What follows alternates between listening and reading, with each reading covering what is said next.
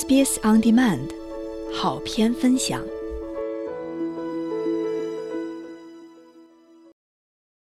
有梦想可能是一件幸福的事，但是梦想与现实之间的差距却常常令人苦苦挣扎。这个时候，应该向哪边做出妥协呢？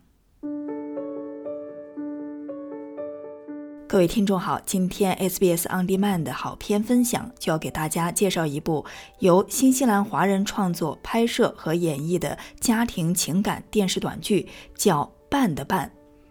半是半边的半，第二个半是牵绊的绊，英文名字叫 Inked。剧中人物讲述的就是他们如何在梦想与现实之间徘徊、寻找，甚至是挣扎的故事。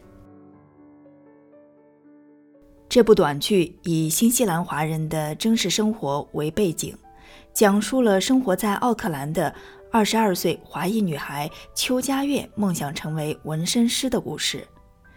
佳悦从小跟随父母从南京移民到奥克兰，不久之后，母亲突然不辞而别，她与父亲邱荣相依为命。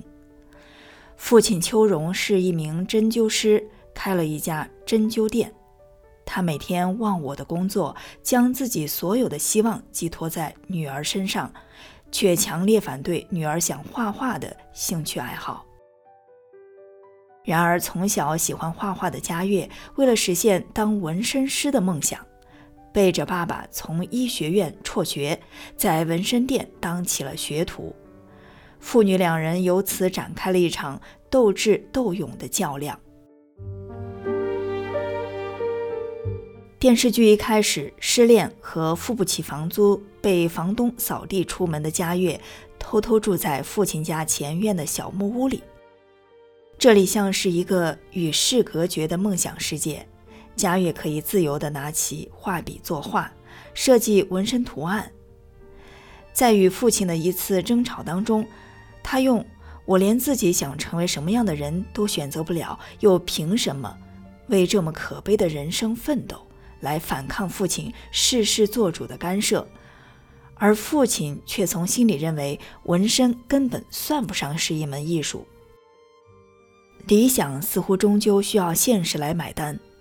在因为疏忽纹身的相关规定给未成年人纹身导致一场风波后，在发现父亲面对维修房屋需要一大笔钱而一筹莫展时，在前男友痛斥自己执意给他纹身留下永久阴影之后，佳悦似乎明白了，追求梦想的路走的不能太快太急。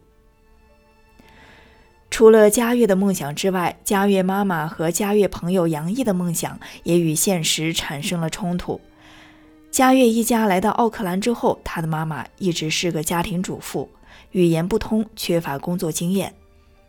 当佳悦妈妈向佳悦父亲提出要和朋友合伙开一家煎饼店时，佳悦父亲不加思索，强烈反对。他认为一个不懂算账、不懂市场的人是做不成生意的，同时还不忘吐槽佳悦妈妈去超市经常坐错站，一个电话都不敢接。当佳悦也毅然支持爸爸看法的那一刻，佳悦妈妈似乎走到了人生的死胡同，看不到任何的出口。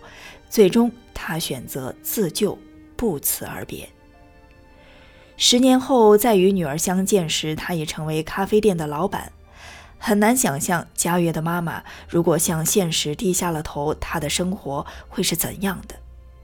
她的决定也许不能用正确与错误来简单的评判。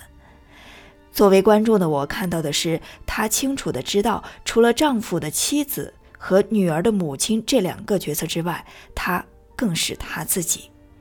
感叹之余，我对她又多了一些同情。杨毅是佳悦的好朋友，他们都对纹身有着满腔的热情。虽然两个人暂时在杨毅女友开的纹身店工作，但他们打算在未来一起开一家纹身店。佳悦给未成年女孩纹身的风波之后。杨毅女友将纹身店关闭了，同时，杨毅得知父母因投资失败破产，小姨为了供他读书而打着几份工时，他瞬间觉得自己的梦想承载不了赤裸裸的现实。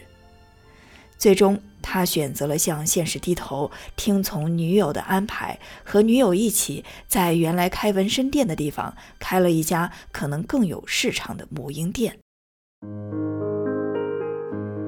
听众朋友，听到这里，您是否也会想起曾经自己有过的梦想呢？是否也曾经像佳悦一样，为了梦想而一腔热血地奋斗过？亦或者在一番挣扎之后，选择听从父母的安排，回归到了现实呢？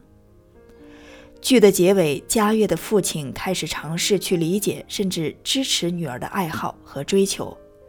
那么，佳悦会做出怎样的人生选择呢？请到 SBS On Demand 上免费观看这部剧《半的半》，共八集，每集十五分钟左右。您可以点击音频下方文章当中的链接，观看这部探讨梦想与现实的电视剧。今天我们的分享就到这里，下期节目再见。